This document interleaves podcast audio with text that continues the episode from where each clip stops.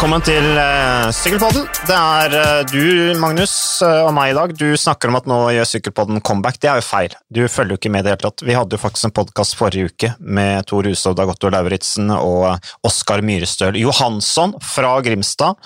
Mens vi, altså, vi utnyttet ferien. Mens hva har du gjort i ferien? Først og fremst, bør jeg høre den podkasten? Jeg har ikke hørt den ennå. Nei, altså det er jo selvfølgelig den mest hørte podkasten som er av Sykkelpoddene, fordi at Dagotto er med. Det er sant. Norges mest populære mann. Jeg skal høre den i, høre den i kveld. Men uh, nei, vi har hatt sommerferie, da. Uh, fullstendig fiasko av en sommerferie. Uh, hadde tre uker i juli, første gang siden ungdomsskolen. Samme hvor vi dro, så var det tolv grader og regn i Norge. Mm. Masse sykdom. Litt sånn koronatesting, og negativ, heldigvis. mer sånn prolaps, ryggtrøbbel. Så det var skikkelig bånn i bøtta. Så det kan hende at eh, å være på ferie i Frankrike hver juli ikke er så galt likevel. Så nå krysser vi egentlig bare fingrene for at vi kan komme oss av gårde til uh, det forjetta land. Interessant at du eh, får uh, Interessant at du blir sjuk og får vondt i ryggen når du har ferie, men du får det ikke når du jobber i juli i Tour de France. Det kan jo være noe med livet ditt da, som gjør at du blir sjuk. jeg blir alltid sjuk i Tour de France. Da. Det, ja, gjør du det? Ja, Hver gang jeg ikke er hjemme fra Tour de France, så får jeg feber sånn siste, siste, kvelden, og så ligger jeg første dagen på sofaen. Ja, men det er utmattelse, det. Jeg tror det. Ja, Du er kjempesliten og syns du selv er kjempesliten, men rytterne de er liksom ikke slitne. Nei, Nei de, de, er ikke slitne. Så, men det er bra, det, Magnus. Men noen somre er sånn, Magnus, at ikke alt du hadde sikkert masse forventninger, du kom inn i ferien, endelig skulle du liksom feriere ordentlig, skulle kose deg, og så blir det ikke etter forventningene. Det er veldig mange som har slitt med det samme, mange forhold som har gått dukken. Du er kjæreste med din kjæreste fremdeles. Det er vi. Ja, så det kan ta med deg det, i hvert fall. Det er positivt. Men uh, sykkel, det skjer jo enormt mye nå, Magnus. På sykkelfronten. Uh, det er nesten sånn at nå er det jeg, jeg, føler at det er tilbake på gode, gamle. Uh, for nå er det så mye resultater som kommer inn, og oppi det hele så er det kontrakter og lag og masse spekulasjoner. Det var på en måte mye mer sånn oversiktlig når det var korona. For da var det liksom, det kom, Hvis det kom én nyhet i uka, så liksom kunne vi virkelig sette oss inn i det. Nå er vi tilbake i det til gamle, gode, liksom, hvor du bare sånn helt overfladisk må skumme fløten på alle disse nyhetene som bare renner inn. Det jeg tenkte når sesongen begynte på en, sånn med Burgos og Sibiu Tour i Romania og Strade, tenkte jeg nå kommer vi til å se masse overraskelser. Ryttere som er i kjempedårlig form, noen ryttere som er i kanonform. Men min konklusjon jeg vet ikke om du er enig da, er på en måte at alt er akkurat som før. Mm. Ivan Sosa vinner i Burgos. Annemik van Fløyten vinner alt. Eh, Bernal er i kanonform, som alltid. Mm. Evenepool er Evenepool som alltid. Eh, ja, eller Evenepool er Evenepool. Ja, han bare viser at uh, han er uh, up and coming. Maximilian Schachmann er fortsatt god. Det var han før sesongen ble slutt. Mm. Eh, Benoit Cosnefroa fortsatt kanon. Mm egentlig ingen som har overraska meg veldig. Nei. Kanskje han Miguel Angel Lopez vært litt sånn svakere enn jeg trodde. Men Froome ser bra ut. Mm. Uh, inni oss like sterk som alltid. Norske gutter har ikke sett så veldig masse til ennå.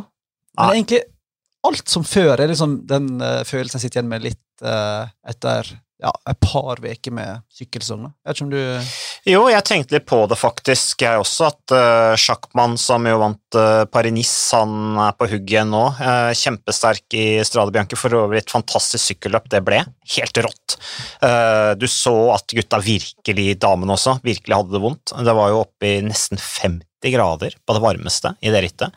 Lå jo jevnt på 40 grader, og det ble jo sånn sett et litt annerledes ritt. Var det 42 av herrene som klarte å komme til mål, og 48 av damene. Men eh, jeg er helt enig. Eh, de beste er best, eh, og jeg tror at sånn som Walt van Ert, som vi jo kommenterte litt i vinter med, med, med sykkelcrossen, han ble jo fire i VM i sykkelcross, han har nok kanskje hatt litt sånn godt av å ha litt ekstra periode med oppbygging. Og han har jo vært på pallen to ganger tidligere, har han ikke det, i Strade Bianche? Så sånn sett så tok han ytterligere et steg nå. Så det er eh, Nei, de beste er best. Eh, og når det gjelder de norske, Eiking var jo ganske bra på siste etappen i eh, Okitani. Der var han bra, syns jeg. Det var en tøff avslutning. Det var skikkelig sprekk. Han satt jo der sammen med Bardet, tross alt. Og nå blir det bare spennende å se hva som skjer fremover. Eh, Du nevnte Sosa. Det er det tredje år på rad han vinner akkurat den siste etappen. ja. Opp akkurat den samme Vinner klatringen. Laguna. Ja, så hvor han for øvrig kjørte på 14 minutter og 50 sekunder, 6,4 watt per kilo. Det er fremdeles 50 sekunder dårligere da enn Chava Jiminez fra 1998. José Maria Chava Jimenez, sastre, nevøen til Eller han gifta seg med Svogeren. Ja, svogeren blir han. Gifta seg med søstera til Carlos Sastre. Mm. Uh, Chava Jimenez som døde tragisk, for de som ikke kjenner han. Uh, tidlig. Eh, Stor klatrer, men, men uansett. Uh, Ivan Sosa, ja. Det spennende er jo som nå hva Ineos gjør med Tour de France-laget sitt, selvfølgelig. Folk spekulerer i om Chris Froome kanskje må være hjemme. Han Mm. så veldig bra ut, syns jeg, da, uh, i den kongetappen i eh, Occitanie, da han dro Dro Bernal opp til etappeseier. Ja, vi ikke dro og satte tempoet høyt i midten av bakken der. Ja, han ofra seg jo. Ofra seg. Ja. for laget. Og det er jo Eh, derfor, for jeg hørte noen spekulasjon på engelske, noen engelske journalister som spekulerte i at ja, nå ser det dårlig ut for Froome, han har lampe Men eh, herlighet, du må jo se litt bak, bakenfor resultatene. Eh, Froome kjørte hjelperytter for Bernal, så det var god stevning i Ineos-laget. Men jeg snakker liksom, skal du ta med både Gary Thomas, Egan Bernal og Froome? Det kommer han til å gjøre, tror jeg. Men det er ikke bare de tre, da. Pavel Sivakov ser jo ut som en maskin. Mm. Russisk, franskmann vet ikke, Ja, han er vel egentlig russisk statsborgerskap for øyeblikket. Sykler fra Russland. Ble med to i Occitanie. Supertalent. Vant jo alt på U23-nivå og juniornivå og sånt. Han eh, er fort sterkere enn Chris Froome i Tour de France, spør du meg. Men eh, vi får se, da. Ja, jeg snakka med Gabriel Rask om det for noen uker siden òg, og han bare sa at uh, that guy, altså, han, han kan bli den store overraskelsen i Tour de France. Så det blir spennende å se. Nå skal jo han gå den skolen, det blir første Tour de France for Sibakov. Eh, og som Gabriel eh, sier også, sa på den forrige podkasten vi snakka med han, at det er en utrolig god skole å kjøre som hjelperytter for Injos. Da kan du på en måte ta steget opp om kort tid, da, hvis du gjennomfører det på en skikkelig måte. Ref blant annet Bernal. Ja, det er jo ingen bedre læremestere å ha enn de siste tre vinnerne på samme lag. Tror, tror du det blir Tour de France? Ja, jeg tror det blir Tour de France, fordi at eh, nå hadde vi Burgos rundt ble jo gjennomført. Um, det Med litt sånn små um, Ja, det kommer til å bli Tour de France òg. Det kommer til å være rytter som reiser hjem, det kommer til å være frykt for smitte, det kommer til å se rart ut, Uh, det kommer til å bli tatt forholdsregler. Det kommer til å bli lite publikum, tror jeg. Mye mindre enn det vi har sett i Spania. Mye mer kontroll på det. Eh, Men jeg tror det blir gjennomført. Men eh, det overrasker ikke meg om vi får en situasjon hvor kanskje hele lag har reist hjem. eh, Og en masse diskusjon, masse kontroverser. Men sånn har jo Tour de France alltid vært. Jeg leste, her, jeg leste For noen dager siden leste jeg om Tour de France i 1950, hvor alle italienerne reiste hjem fordi at de følte seg så trakassert av publikum at de bare dro. De ville ikke være med. Så ikke sånn er jo Tour de France. Lå an til å vinne der, men så kom jo Ferdi Kybler vant i 50, skjønner jeg. Jo, stemmer. Første sveitsiske seieren. Ja, så det Tour de France er jo sånn. Det er jo tilrettelagt for eh, å liksom improviseres underveis. Men jeg så jo um, gode gamle Philippe Gilbert sa i et intervju her at det kommer til å bli et heidundrende kjør i begynnelsen. Fordi mange ryttere vil være innstilt på at Tour de France kan være ferdig når som helst. Under, underforstått det kan være over etter fem etapper. Mm. Så den som har gul trøye etter fem etapper, eller fire, eller sju, eller tolv, kan plutselig risikere å vinne hele greia. Så er- rytterne virker iallfall innstilt på at det her kan være over. eh, Kanskje Alexander Kristoff vinner Tour de France? Da skal han klatre bra i den andre etappen. Ja, det er klart. Men eh, ja, i teorien så er det mulig, da. Ja, nei, det er jo en veldig humpete Tour de France i år. Ja, det er det. Og det, Ganske tidlig. det er all, allerede andre etappe, som du sier. Så eh, jeg tenker litt for sånn tradisjonelt oppi huet mitt nå. Men det skumle er jo liksom at det er vel i Nis der det skal begynne, at det kanskje er verst i Frankrike akkurat nå. Nå går smittetallene litt Ja, det forandrer seg fra dag til dag, da. Men det blir vel fort et rødt land på fredag, virker det som. Men eh, ja, men du er positiv. Jeg er litt mer sånn 50-50 ennå, men eh, jeg håper jo selvfølgelig at det blir noe av, da. eh, du kan si jeg er spent, men jeg har på en måte bare bestemt meg for at jeg tror det blir noe av. Og så får jo tiden vise om jeg tar feil eller ikke. Det som er interessant, er at jeg har flytta sykkel-EM til Ploé, altså helt nordvest i Frankrike, tre-fire dager før Tour de France. Men mange lager lar jo ikke rytterne sine delta, selv om de vil, fordi da går du over fra ei lagboble, i hermetegn, ei boble, til ei landslagsboble. Da utsetter du for smitte fra andre miljø. Så mange nekter jo. Jeg forsto at uh, Ja, og landslagsoppleggene er ofte mye mer amatørmessige Ja, enn proffoppleggene. ikke sant? Kristoff får lov av laget til å kjøre EM. Bystrøm skal ikke. Han, uh, det var ikke så populært, verken med tanke på rittbelastning eller logistikken. Og jeg vet, um, snakker med en del andre lagsjefer også, som sier at vi sender ingen som skal ha Tour til EM først. Samme om de har lyst eller ikke, for da risikerer du å dra med smitte fra ei boble til ei anna og, og ødelegge rittet for alle sammen. Men Kristoff skal. Kristoff skal sykle EM. Um, spørs hvem andre som dukker opp der, da. Men det er onsdagen før Tour de France. Kan risikere å bli skikkelig B-ritt, det, altså. Det kan det fort. Ja, eller et ritt som bare blir helt kaos, ikke sant? med fullstendig uten struktur i forhold til hvilke lag som tar ansvar og sånne ting. Kan det bli et interessant sykkelløp? Men det blir litt sånn, litt sånn smånervøs sjøl hvis, hvis vi skal ned til Frankrike. Vi skal jo i teorien det.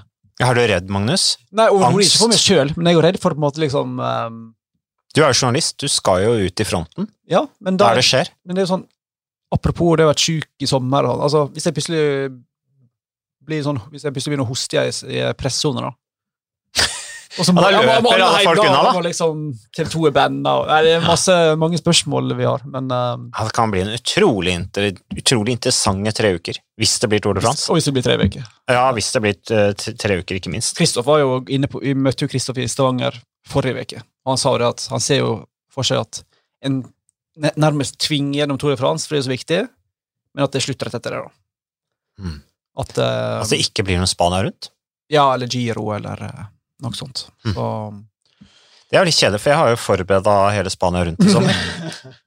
Alle de timene jeg har sittet og holdt på med det, som jeg kunne vært på stranda. Men du får vel igjen uh, fakta om Salamanca til en annen Ja, da kan bruke det om igjen, du. Ja. Kan jo det. Men uh, jeg tenker jo også, Magnus, nå i disse koronatidene for Nå begynte vi å reflektere over det. Det var jo ikke planen min i det hele tatt at vi skulle sitte og gnåle om korona såpass mye som det vi gjør nå, men dette her det er jo aktuelt i tiden, så definitivt viktig. Og når vi har disse podkastene, du og jeg, så har jo ikke vi mer å komme med enn at vi må på en måte ta for oss det som skjer akkurat nå. Ikke sant? Så jeg bare tenker at tenk, det må være trist å være sykkelrytter nå, tenker jeg. Altså, tenk til alle forholdsregler de tar. Tenk på paranoiaen, tenk på angsten for å bli sjuk, tenk på hvor altså Tenk deg hvordan de må på en måte behandle folk rundt seg. Altså, de må jo de, de må jo kjempe, føle et kjempepress på å isolere seg, av ikke møte andre mennesker. Eh, de må helt sikkert ha en kjempefrykt for at oi, hvis jeg gjør noe gærent nå, og så viser det seg at jeg har møtt en som er smitta, og så må hele laget trekke seg fra ritt, ikke sant? Det er jo helt krise. Du hadde jo uh, Israel Cycling Academy nå, som jo måtte sende hjem noen karer fra Burgos. Uh, UAE måtte sende hjem noe. Jeg var jo litt sånn overraska over at de ikke måtte sende alle, men det er jo alltid en eller annen grunn fordi at de ikke har vært eksponert på samme måte og sånne ting. Så ja. det er jo greit. De, vi har i hvert fall nå sett at de ser jo De ser på en måte på individuelle forskjeller, da. Vi har ikke foreløpig sett at hele laget har måttet sende hjem, at de har vært så rigid tolkning av ting at de måtte sende hjem hele lag. Nei, og det er jo det store ubesvarte spørsmålet som eh, jeg tror mange lurer på. Hva skjer hvis du får et positivt koronatilfelle i et ritt? Er rittet over, eller er det ikke over? Eh, både i Tour de France og generelt, da. Men det er, svar, det er vel det er litt sånn kompliserte svar at det blir avgjort av ei egen sånn covid-19-medisinsk gruppe eh, på hvert enkelt ritt. Så de bestemmer på en måte om Oi, må vi avlyse hele? Eller kan vi bare fjerne han eller hun, eller hele laget, eller hva gjør vi? Så jeg er veldig spent på hva som skjer når, ut, når det kommer et koronatilfelle i Tour de France. Mm. Uh, du har ikke lyst til å være den personen som uh, avlyser uh, Er ansvarlig for at hele Tour de France blir avlyst. Så det blir spennende. Jeg så jo òg at eh, Apropos det du nevnte med at folk ble sendt hjem fra Burgos. Det var vel òg på Sunweb sin treningsleir at Michael Store var det vel, som Mm. hadde gått og handla på en butikk. Og det var jo da ikke lov. Sikkert en ren forglemmelse. da, Han hadde handla noe på en butikk, og da var det rett hjem igjen. Ja. Så det er ganske strikte regler du lever under, altså. Ja, og han tror jeg nok fikk kjørt seg litt, han Store. Han eh, tror jeg nok eh, fikk en skikkelig reprimande av lagets ledelse. Så der er de ekstremt strenge, og det tas noen tiltak rundt omkring nå som gjør, livet tungt, altså, tenker jeg. Det er ikke akkurat lekent rundt omkring akkurat nå. Men uten å nevne spesifikke båtselskap, så er det jo bra at det er noen sektorer i dette samfunnet som tar det seriøst. da. Det er veldig treffende veldig sånn godt sagt i tiden, uten å nevne hvilke båtselskap, turistselskap du snakker om. Men eh, kontrakter, eh, Magnus, hvis ikke du vil si noe mer om det som er her litt, vi kan jo, vi kan jo snakke litt om eh, Vi har nevnt eh, Strade Bianche, men det er jo historie nå. Fantastisk sykkelløp. Eh, Edvald fullførte, var siste fullførende, men allikevel, det, han fullførte i hvert fall. Det tror jeg er positivt. Eh, men det er jo Milano Sanremo, faktisk, til helga. Det er ganske vilt. Jeg håper det er nok veier å sykle på, da. Det er Ja. jo ruteendringer annenhver dag der. Noen sure ordførere der som ikke blir ritt innom der, og så tar for masse det stopper for masse trafikk hvis dere skal innom dit nå. Og. Det er litt annen løype i år, men som jeg at i store og hele så er det en relativt lik distanse, relativt lik belastning. Den leng tidenes lengste mellom San Remo blir 299 km. Men jeg syns rittet ser ganske sånn Jeg tror ikke det får veldig store konsekvenser for rittet. Du fjerner de tre capiene før Cipressa Poggio, og så tar du den litt lenger bak isteden. Men finalen er den samme. De siste 34 km, eller 35, eller hva det er, er vel identiske til eh, som vanlig. Ja, men De sier jo at det er en tyngre løype. Ja, noen sier det, for den bakken de hiver inn i midten, der er litt lengre og litt tyngre eh, enn Turcino-bakken. Så Men ja. Og så blir det 40 varmegrader, sjans, Ja. muligens 40 varmegrader. da. Og det kan jo lage et helt annet sykkelløp. Ja, så er det jo langt fra ideelt at Kristoff og co. måtte stå over i Burgos. Kommer litt få ritt i beina. Får bare Milano og Torino i beina før Sanremo.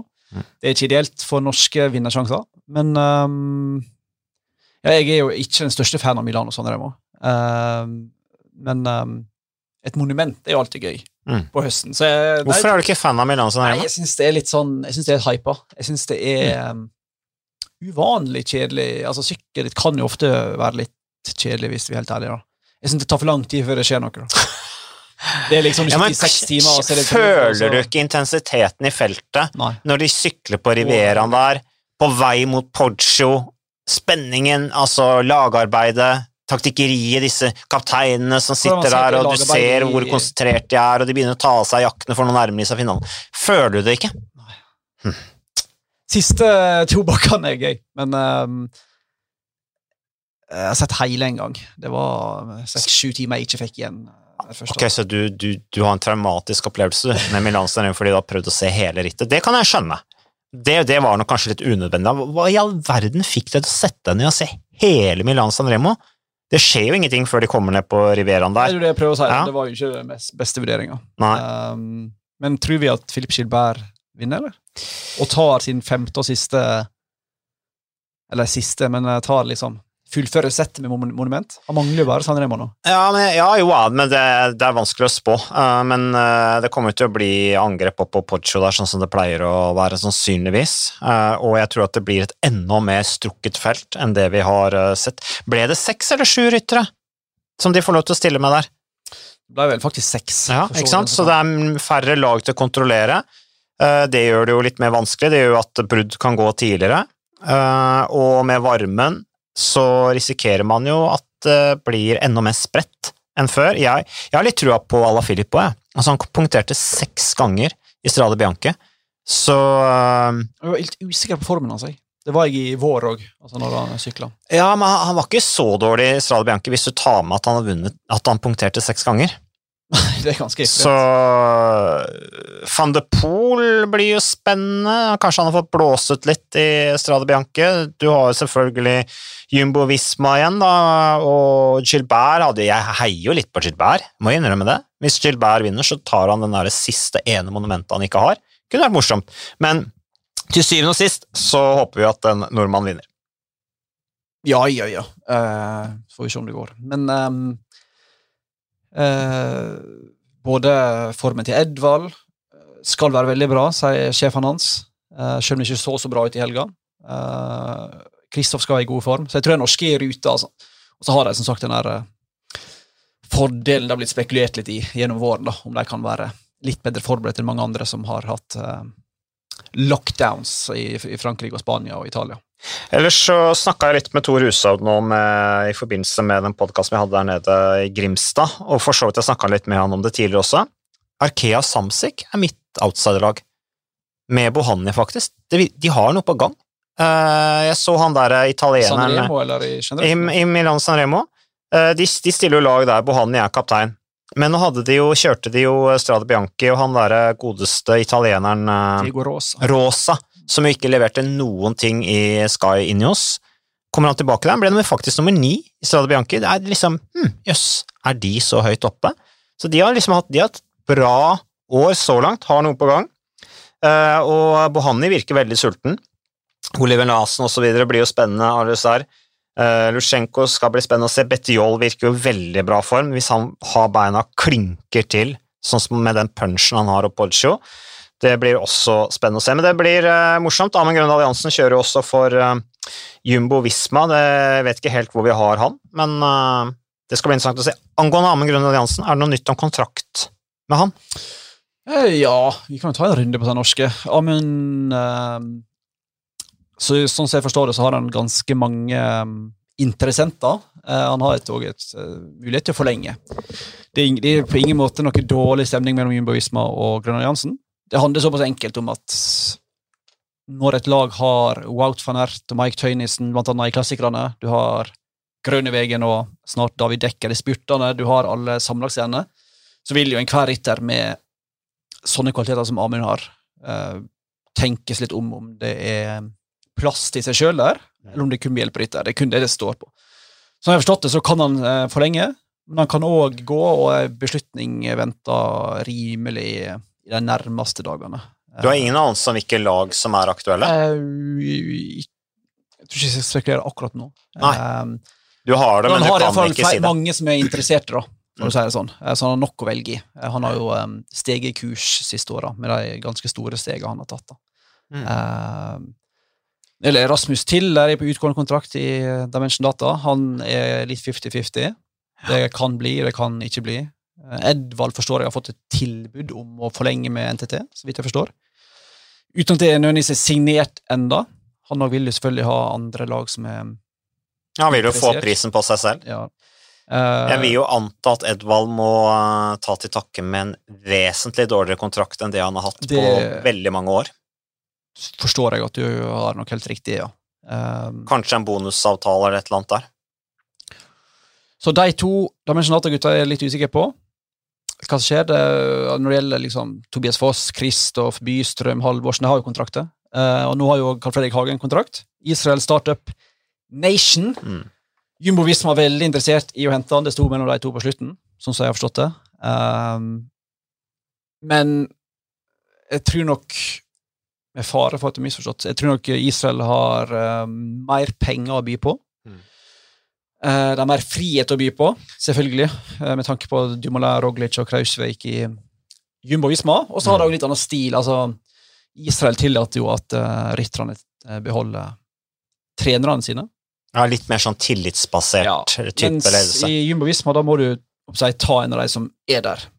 Så- Litt så- typisk sånn nederlandsk Ja. måte å drive sykkellag på. Jeg tror både Grønn Alliansen og Tobias Foss har vel Mathieu Heibo her. Um, kanongode trenere, altså. Men jeg tror òg det var positivt at uh, all- Carl Fredrik kunne beholde Erik Alexander Nordby, Mm. uten at det nødvendigvis var altavgjørende. Uh, Syns du det er bra lagvalg? Ja, jeg tror det er ok. Jeg tror det kan være utviklende å sykle sammen med Quizroom. Jeg ser jo publikum eh, på vår Facebook-side, blant annet eh, til TV2 Sykkel, Jeg er skeptisk til det, fordi at da skal man kjøre hjelperytter for Quizroom. Jeg tror det kan være utviklende, ref det vi snakka om med Sivakov også, at han går den skolen. Vi må huske på at Carl Fredrik har aldri kjørt Tour de France før. Det styrker kanskje sjansen hans ytterligere til å bli tatt ut i Tour de France. Og det kan fort være at hvis han hadde kjørt i Lotto, så måtte han sitte og taue for Caleb. Så, og slitt seg ut på det. Eh, kanskje havna litt mellom barken og veden der i forhold til Thomas de Gent og osv. Selv om han kan jo takke Lotto Sodal for, for mye. Han har hatt en flott start på karrieren sin. Men jeg tror at du har jo de store lagene. Nå er jo Isais eh, Startup Nation det er jo et World Tour-lag, så han, de vil jo kjøre ulike program hvor han kan få Ja. frihet. Og blir han god nok, eh, så okay, kjører han med Quiz Room da, et par år i Tour de France, og så kan han jo plutselig steppe opp når Quiz Room bestemmer seg for å gi seg, og så bytter de rolle, eller han blir satt til å kjøre giroen, eller å hjelperytter i Tour de France, for eksempel, og han får frihet til å kjøre egne sjanser i giroen. Så jeg tror at det blir bra, jeg. Eh, Og de må jo også steppe satsinga si. Jeg vil jo tro at de også må oppgradere og bruke vesentlig mye mer penger også på utvikling av eh, det sportslige i South Cycling Academy, og det, det var jo Lotto Sodal har blitt sett på som litt old school. De, har, de skulle satse litt hardere i eh, 2020 på dette med eh, bruk av eh, teknologi og fysiologi og, og få inn flere folk på å perfeksjonere, sånn som vi ser at en del av de andre moderne store lagene gjør.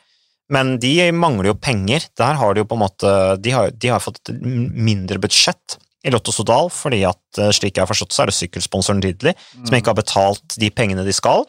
Uh, og dermed så har jo det stoppa opp litt. Så kan det godt tenkes at det er bra for den sportslige utviklingen til Carl Fredrik Hagen å, å gå fra Lotto Sodal, tenker jeg. Ja, jeg synes det er, helt enig med deg. Jeg synes det gir veldig sportslig mening. Og så det selvfølgelig økonomisk mening. Han får en betydelig bedre deal enn han hadde i Lotto Sodal. Og Lotto Sodal da venter så lenge som de gjør, satt jo sånn her 1. august med å skulle forlenge ryttere, da mister du mange. Da Mm. mista jo nå Stan de Wulf til AG2R og en god klassisk, klassikerrytter. Og som jeg forsto det på både Israel og på folk uh, rundt laget uh, og agentene, så er det ja, du kan kjøre hjelperytter for Froome, men det òg ligger helt åpenbart til rette for å kunne kjøre for egne sjanser i Giro, skråstrek, Vuelta. Og i mindre etapperitt. Altså, hvis du ser bort fra Ben Hermans og Dani Navarro, kanskje Han begynner å synge på siste verset, altså. Mm. Så er det ikke så veldig mange andre å knive med om, liksom um, Og Dan Martin, selvfølgelig, da. Det er, ikke, det er ikke så mange å knive om eh, plassen i de andre Grand Tourene og det store tapperittet. Så det vil være mange muligheter å kjøre for egne resultat. Så jeg tror ikke han blir stuck i en Froome hjelperytterrolle. Det tror jeg vi kan berolige det norske folk om. Det er ikke planen, sånn som jeg har forstått det. At han skal være utelukkende dedikert til Froome. Jeg satt og så litt på laget til Israel Startup Nation uh, i går kveld. Uh, og det er jo klart at det har vi snakka om uh, tidligere, at det er et litt sånn rart måte de signerer ut på. De har signert mye sånn halvgode spurtere, blant annet. Greipel har de for øvrig forlenga med. Det er liksom jeg lurer litt på liksom, Oi, fanken, hvorfor forlenga vi med han nå, liksom, etter at du fikk en Chris room? For det blir jo De tar jo bare opp masse plass. Men de har jo Hvis, hvis Chris room skulle kjørt to, fordi nå, i årets Tour de France, hvilke ryttere kunne vært der på en måte som en god støtte for han? Uh, og det Alex Downsett har en viss erfaring og, og evne relativt robust på forskjellig uh, terreng. De rytterne du nevnte, Magnus, er jeg helt enig i. Dan Martin blir jo selvfølgelig nøkkelrolle. Daniel Navarro, jeg vet ikke hvor mye krutt det er igjen i han. Ellers så er det en rytter som Rory Sutherland, som jeg tenker kan bli en viktig mann, faktisk, i Israel Startup Nation. Uh, fordi at uh, han kom jo Han hadde jo noen år i blant annet uh, Movistar, hvor han kjørte fantastisk bra. og han er jo en av de rytterne som har den evnen til å sitte i time etter time etter time på de litt lettere etappene, halvkuperte etappene, og jobbe i front av feltet og kunne gjenta den samme jobben dagen etter. Det er noen få sånne store maskiner som som Rory Sutherland i feltet. og Jeg mener også annet at uh, Vegard Stake Laengen er en av de. Tim de Klerk er en sånn opplagt type. Så australieren uh, Rory Sutherland blir også en uh, bra mann, tror jeg, for, uh, for Chris Room, hvis han har den formen vi har sett han tidligere i, da, særlig Movistar. Det får vi jo se. Apropos Stake, så siste jeg hørte fra han, var at han, han er enig med UAE om forlengelse, men det, det er ikke fysisk signert ennå, så det gjenstår bare, liksom skrive navnet sitt på papiret. Men um, kall Fredrik Hagen til Israel. Ja, det fant du ut før det ble bekrefta i går. Jo da. I dag er det onsdag, ikke det? I går, tirsdag, altså fjerde. Da ble det bekrefta fra Israel Startup Nation. Men jeg tror, det, jeg tror, ja, jeg tror vi to iallfall er, er mer positive enn mange andre virker til å, å være. Bare for å ta litt rundt Startup Nation, eller Israel Startup Nation. Uh, Daryl Impey er jo også spekulert i at skal over dit. Han ble klar i dag, ja. Han ble klar i dag, ja. 35-åringen som kommer fra Sør-Afrika, og Mitchelton Scott, han blir jo en helt fantastisk rytter å ha der. han er jo også en autoritet i feltet. ikke sant? Han er en rytter å høre på, alle har veldig respekt for han. Han går i all slags terreng, han kan være bra i forhold til å plassere Chris Room og Carl Fredrik Hagen i, i feltet på vanskelige etapper osv. Uh, og så har du uh, ble, ble det jo spekulert i da en gjenforening mellom Richie Port og Chris Room. Det ser ikke ut til å bli noe av. Det ser ut til at Richie Port går tilbake til sin gamle arbeidsgiver, som nå heter Injos. Ja, det virket å være en uh, veldig dårlig skjult hemmelighet.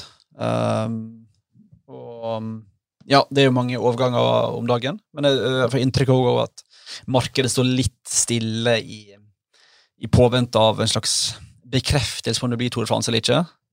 Uh, jeg tror nok det skjer ganske mange ting utover i september, kanskje enda mer enn nå i august, virker det som. Ellers er det noen som går fra Isa Startup Nation nå, blant annet Nils Pollitt, som jo går til bordet. Han skal være veldig naturlig valg, syns jeg. Han er jo tysker, det passer veldig bra i Tyskland som bordet Hansgrohe, og det derre bordet Hansgrohe-laget klassikerne, det kan bli veldig bra med, hvis, det blir, hvis Sagaen holder seg i form, da. Jeg har liksom på følelsen at Sagaen er litt sånn på vei ned, men uh, det kan jo være at han får en liten boost av Nils Pollitt på laget. Ja, det er jo perfekt, uh, perfekt duo, da. En, håper jeg, to, seig og sterk fyr i, Pollitt, og en rask og mer spurtsterk type i Sagaen. Nå er jo Sagaen en ja, Det er vanskelig å sette han i bås, da. Han er jo en altmuligmann. Men det blir et kanonlag, og der har du i tillegg selvfølgelig Daniel Aas, og du har Jeg mener at til og med en fyr som sjakkmann må jo kunne fungere bra på brosteinen og i, i Flandern og sånt, hvis han prøver seg på det. Ja, ja, i hvert fall. Ja, Flandern, helt klart. Ja, uh, Amstel Gold Race og så videre. Uh, ellers så uh, Er det noe nytt om Jungels, eller? Bob Jungels, Kønne Quickstep-rytteren fra Luxembourg.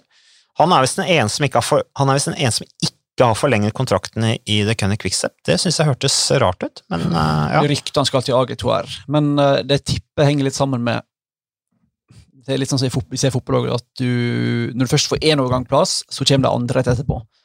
For jeg, jeg tror ikke AG2 kommer til å signere Jungels hvis de har bare det. Hvis de mister bare det til Sunweb, da tror jeg fort Jungels vil bli krefta til AG2R.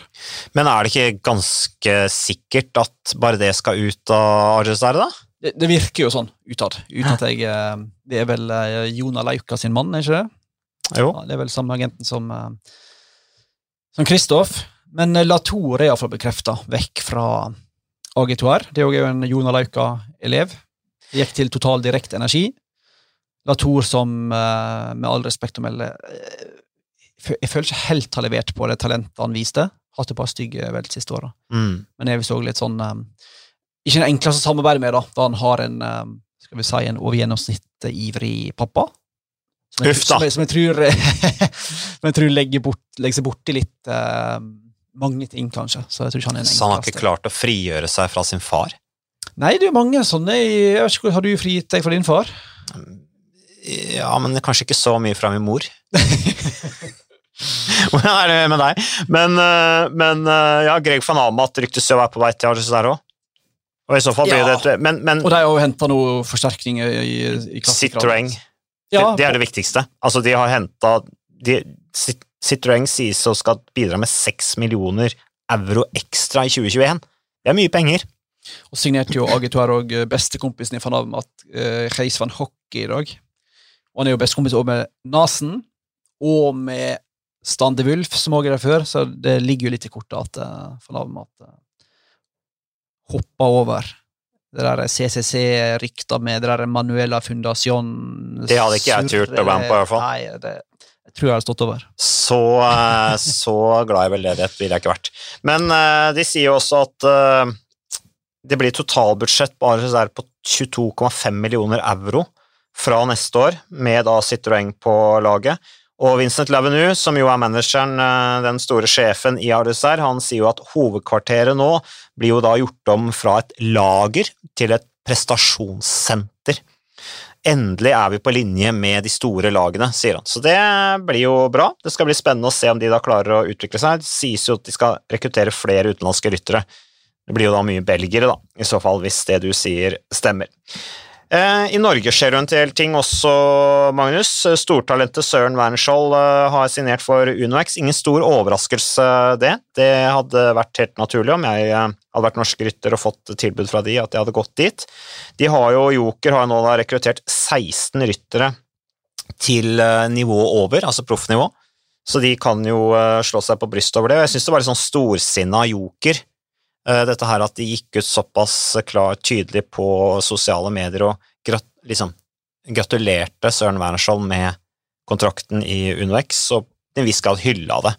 Eh, og det tyder jo noe på at de er ganske ydmyke i forhold til hvilken plass de har fått i sykkelmiljøet i Norge, at det er, det er liksom UnoX, og Sånn er det jo bare. Men uh, tidligere så var det jo Det har jo vært turbulens rundt overgangene i Sykkel-Norge fordi at Eh, Coop har følt at de har tatt ryttere fra Eller at de har mistet ryttere til Joker, ikke sant? fordi alle ville til Joker osv. Nå er det på en måte alle rytterne går til, til Uno X. Ja, så er jo Det snakkes jo i Sykkel-Norge om, at, uh, om framtida til Joker. Eh, vi forstår jo at koronaen ikke har vært nødvendigvis så snill med, med, med deg. Uh, Nei, da sånn kan en jo spørre seg hvorfor det. Men... Det er jo fordi at det er jo Interspons som er eierselskapet her, mm. som jo uh, har mistet sannsynligvis har mistet en del inntekter pga. korona, at de lever jo mye av arrangement. Uh, og der har det jo vært helt stopp. Uh, altså Joker som mat, matforretning, de har jo tjent masse penger, men budsjettet til Interspons er jo sannsynligvis prega av det som skjer nå, og det, og det, igjen, det igjen påvirker jo da budsjettet til sykkellaget. Ja, Om jeg forstår det rett, så er de avhengig av at det kommer inn en sponsor til.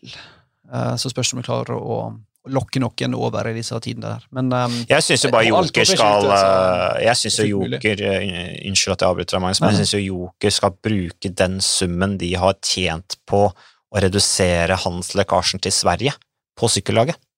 Fordi at matvarebransjen i Norge går jo så suser på grunn av at folk, nordmenn, reiser mindre til Svinesund og handler bacon, inkludert deg sjøl. Som jo har hatt noen tunge stunder etter at du ikke kunne reise til Svinesund og kjøpe bacon og, og sånn der energidrikke. Har du vært på harrytur? Nei, jeg har ikke vært på harrytur. Ikke engang i ditt liv? Nei, men Nei, kona mi drar innimellom, men jeg, jeg har fritatt fra det. Da tar jeg meg heller en sykkeltur. Du står inne for Altså, jeg kan, ikke, jeg kan, ikke, nekte kona mi å dra Nå kan jeg det, for nå er det korona og sant, de tinga der. Eh, men, eh, men, jeg blir ikke med på de turene. Det for det gidder jeg rett og slett ikke. Jeg gidder ikke å gå rundt på storsenter borte i Nordby der for å se på bacon. Da gjør jeg heller andre ting, altså. Og det på, koster jo å kjøre dit òg. Jeg skal på Ikea i kveld, så jeg gruer meg nok til det. Så jeg orker iallfall ikke en Sverigetur. Stakkars. Ja, det er tungt. Det er tungt, også på kvelden, da. Åh, ja ja. Nei, jeg skjønner jeg at du si, har en tung dag, Magnus. Jeg skulle si var jo at um, Vi får jo håpe for norsk sykkelsport sin del at uh, Joker eksisterer i 2021 òg. Ja. Ehm, for hvis du går fra fem kontinentallag som vi hadde en stund, til ja, Nå kommer riktignok Dare Development Team blir jo et kontinivå. Men mm. hvis du måtte kun ha deg og uh, Coop Coop som også ikke det, det flyter flommer jo ikke over av penger. Um, så er mulighetene plutselig ganske mye mer begrensa for uh, unge norske sykkelryttere. Mm. Jeg tror de beste vil nok uansett bli plukka opp. Når du har det nettet med Dare på kontinivå, UnoX på pro-konti. De aller beste vil ha en plass å sykle. Men du risikerer jo, hvis det blir for få lag nå, risikerer du jo at um, en del At det tynnes ut i bredden, da. Mm. Og at de som nødvendigvis ikke er gode i ung alder, uh, finner en plass å sykle. Så vi håper jo at um, de norske lagene består. Vi trenger tre lag på det nivået, tenker jeg. Altså. Ja, det er kjempeviktig. Kjempeviktig. Så eh, vi satser på at uh, Joker uh, Fuel of Norway, som det nå heter, får budsjettene i uh, Joker Fuel, som, Joker Fuel, som min far sier, ja. Eh, det er altså Fuel of Norway som er denne sportsdrikkeprodusenten hvor bl.a. Gabriel Rask er eh, engasjert. Eh, hva tenker du om at Danmark sin Tour de France-start blir flyttet da til 2022 for, å, for at det skal unngå å kollidere med fotball-EM og OL i Tokyo? Det tenker jeg var veldig... Du ligger ikke søvnløs som netten? Nei, jeg merker at det går, det går litt fint.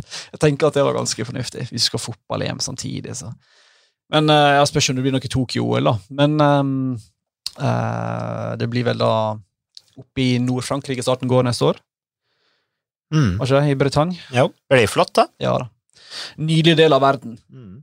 Nord-Frankrike, faktisk. Selv om jeg foretrekker Sør-Frankrike. Ja, du gjør det, ja? Ja, alltid vært masse Er det ikke veldig varmt for deg nede i sør? Jo, men jeg liker det godt så varmt, jeg, altså. Ja, det gjør det? Ja, ja. Ja. Så varmt, så, så dess varmere, dess bedre. Ja, ja.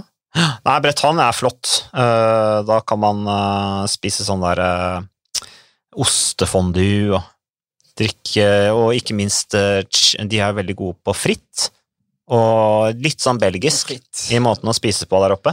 Snegler, ikke minst. Men eh, styrke Jeg tenker på med, med København Det blir jo kanskje ville spekulasjoner.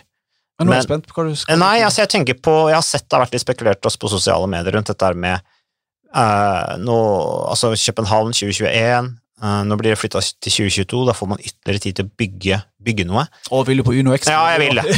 Altså, I og med at det har et såpass stort dansk marked, eh, så vil jo det være kjempeinteressant for, eh, for UnoX. Vi vet at rival Readiness de, de hadde jo sikta seg litt inn på det. De trenger i hvert fall et år til for å komme opp på det nivået at de får en invitasjon til Tour de France. mista diverse sponsorer når Det bare roter ned òg, tror jeg. Det virker helt uh, vanstyrt med lønning. og er Rytterne har jo sagt fra seg lønningene for å kunne konkurrere ut året. Du måtte velge enten få lønn eller ikke sykle, eller sykle men ikke få lønn.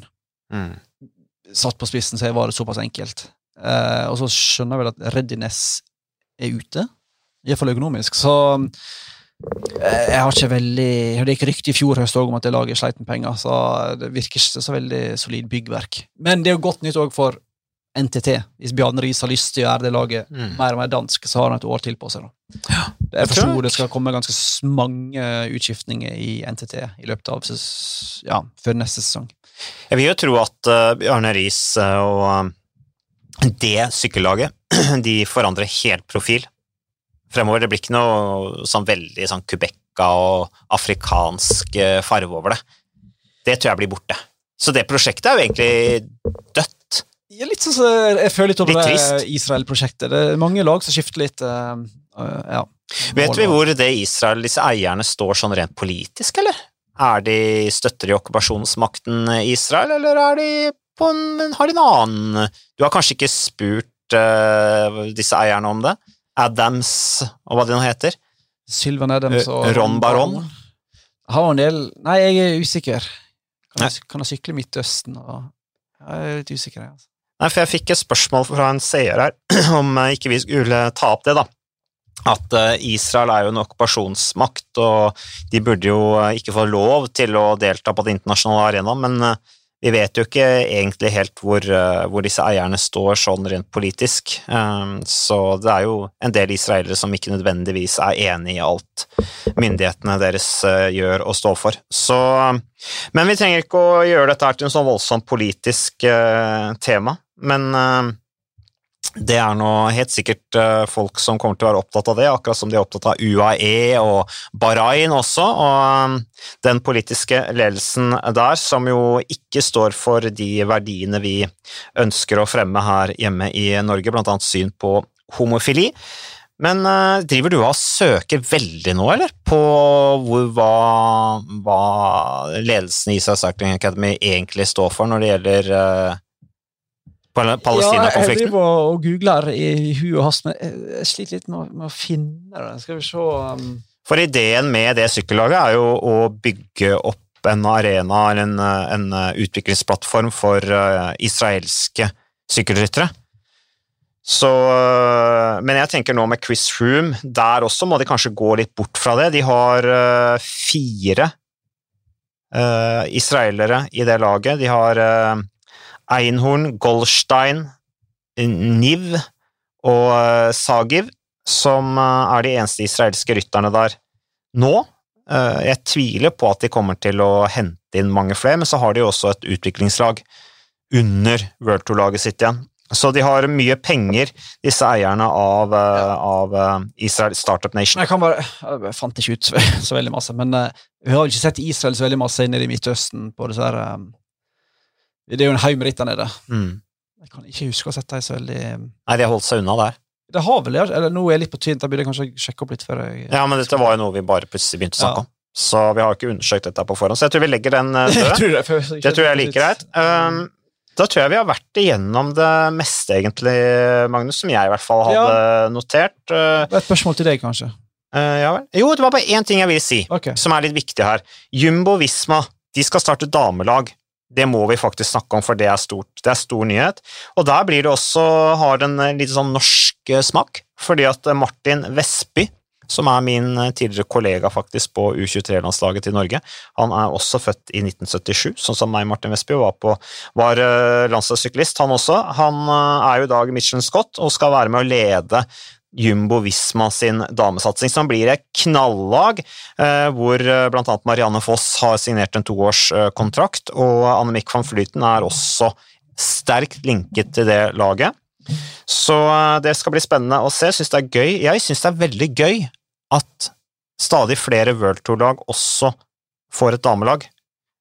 Det mener jeg er riktig eh, utvikling. Jeg mener også at det er helt riktig utvikling av flest mulig av i hvert fall endagsrittene også har en dameversjon, sånn som vi så nå i, eh, i Strade Bianchi. Det mener jeg er veien å gå, for da har du allerede meste av TV-oppsettet klart, og da kan du i hvert fall få med deg de siste eh, fem mila eller et eller annet av damelaget, og så gå inn på herrerittet.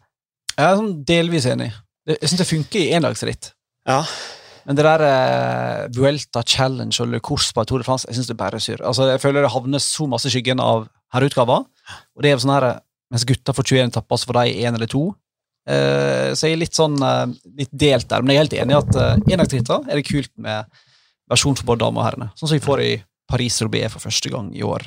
Hvis det blir arrangert eh, mot slutten av sesongen. Det blir slutten av, oktober. slutten av oktober. Ja. Mm. Underveis i Spania rundt. Ja, stemmer det.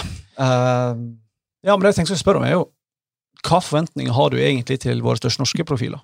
Hva kan vi forvente liksom av um, Alex og Edvald, ja, spesielt kanskje, i de neste ukene? Jeg, jeg har ikke sånn all verdens forventninger til Kristoff Christoph nå i Milano San Remo.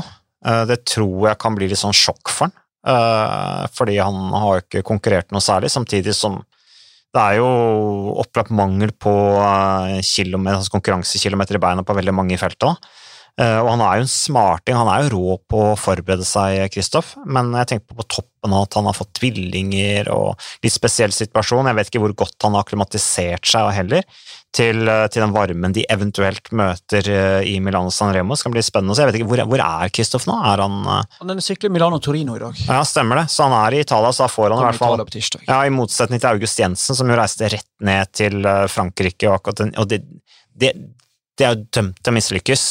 Eh, når, når det er eh, såpass varmt som det det er, så er det ikke overraskende for meg at han sliter med, med helsa når han kommer ned i den intense varmen der uten akklimatisering. Men det, det er jo ikke så rart. Koronaen og sånne ting setter jo begrensninger, da, og er jo egentlig det er ikke bra for helsa, faktisk. altså. Det sjokket som kroppen møter når du kommer rett fra Norge og skal konkurrere i 40 varmegrader, sånn som han måtte gjøre der. Det er ikke sunt. Men øh, jeg er veldig usikker. Vi må på en måte bare se hvor han øh, står nå, i øh, hvordan det utvikler seg i Milan San Remo. Og så har jeg egentlig ganske trua på han hvis det blir Tour de France. Så har jeg trua på Kristoff. Det, det tror jeg. At han kan være med og kjempe om etappeseier der, uten tvil. Det vil han helt sikkert gjøre, men jeg tror han kan vinne en etappe. Så vi får se. Det er egentlig det jeg har å si om den saken. eh, Den som lever, får se. Den som lever, for så, ellers er det jo Spania, nei, Polen rundt starter jo nå også. Der er jo Tobias eh, Foss til stede. Remco Evenepool er der. Remco Evenepool som altså har vunnet eh, alle etapperittene han har starta i år. Og jeg syns det er litt morsomt når Mikkel Landa sier at ja, nå er det bare om å gjøre å vinne så mye man kan, for det kommer til å bli helt umulig om noen år. Når disse gutta har fått litt ekstra kilometer i beina og litt mer erfaring, så kommer disse unggutta til å herje noe helt vanvittig. Det kommer til å bli umulig å vinne, sier han. Og det kommer umulig å slå Remco Evenepool. Så øh, om Evenepool også vinner Polen rundt, det, da blir jeg imponert, altså. Men øh, hadde ikke overraska meg. nei, han er jo selvfølgelig en av favorittene til det. Absolutt. Så hvis ikke det er noe mer du vil si da, Magnus, tenker jeg vi avslutter. ja. Vi har jo på en måte gjort et lite comeback, vi også nå. Vi har det. Tilbake i manesjen. Ja, du er jo fremdeles litt deppa over at sommeren ble en nedtur, men øh, nå er du tilbake i hverdagen, Magnus. Nå er vi på jobb, og øh, kan glede oss over det at vi faktisk har en jobb. Ja, det må vi gjøre. Eh, Så skal jeg eh, gå hjem og stålsette meg for en kveld på Ikea. Ja. Det, eh, vi får håpe vi overlever det òg. Men nå vant du jo FA-cupen, da, med Det, Arsenal. det, var, det var en eh, Jeg prøvde å psyke meg ned i to uker forkant for å være forberedt på tap. Ja. Jeg blir- så skuffa når, eh, når det ikke går bra. Men eh, det gikk jo veien, det. Jeg var farlig nervøs underveis der. Men så kom jeg, faren din fulgte jo med. Mm, dere teksta til hverandre? Ja, han, altså, han, får med seg det meste, altså. Skulle aldri å imponere der. Altså, det redda jo hele sommeren. Det redda sommeren, det redda sommeren. at Arsenal vant FA-cupen. Ja. Nei, men Da gratulerer vi deg med det. Det er jo ofte tungt å være Arsenal-fan, det vet vi. Det er derfor du uh, sliter litt med, med humør innimellom. Uh, så egentlig burde du finne et annet lag å heie på. Men dere som sitter og hører på det, takk for at dere lyttet til Sykkelpodden, og vi er uh, tilbake med mer, tipper jeg, neste uke. Adjø.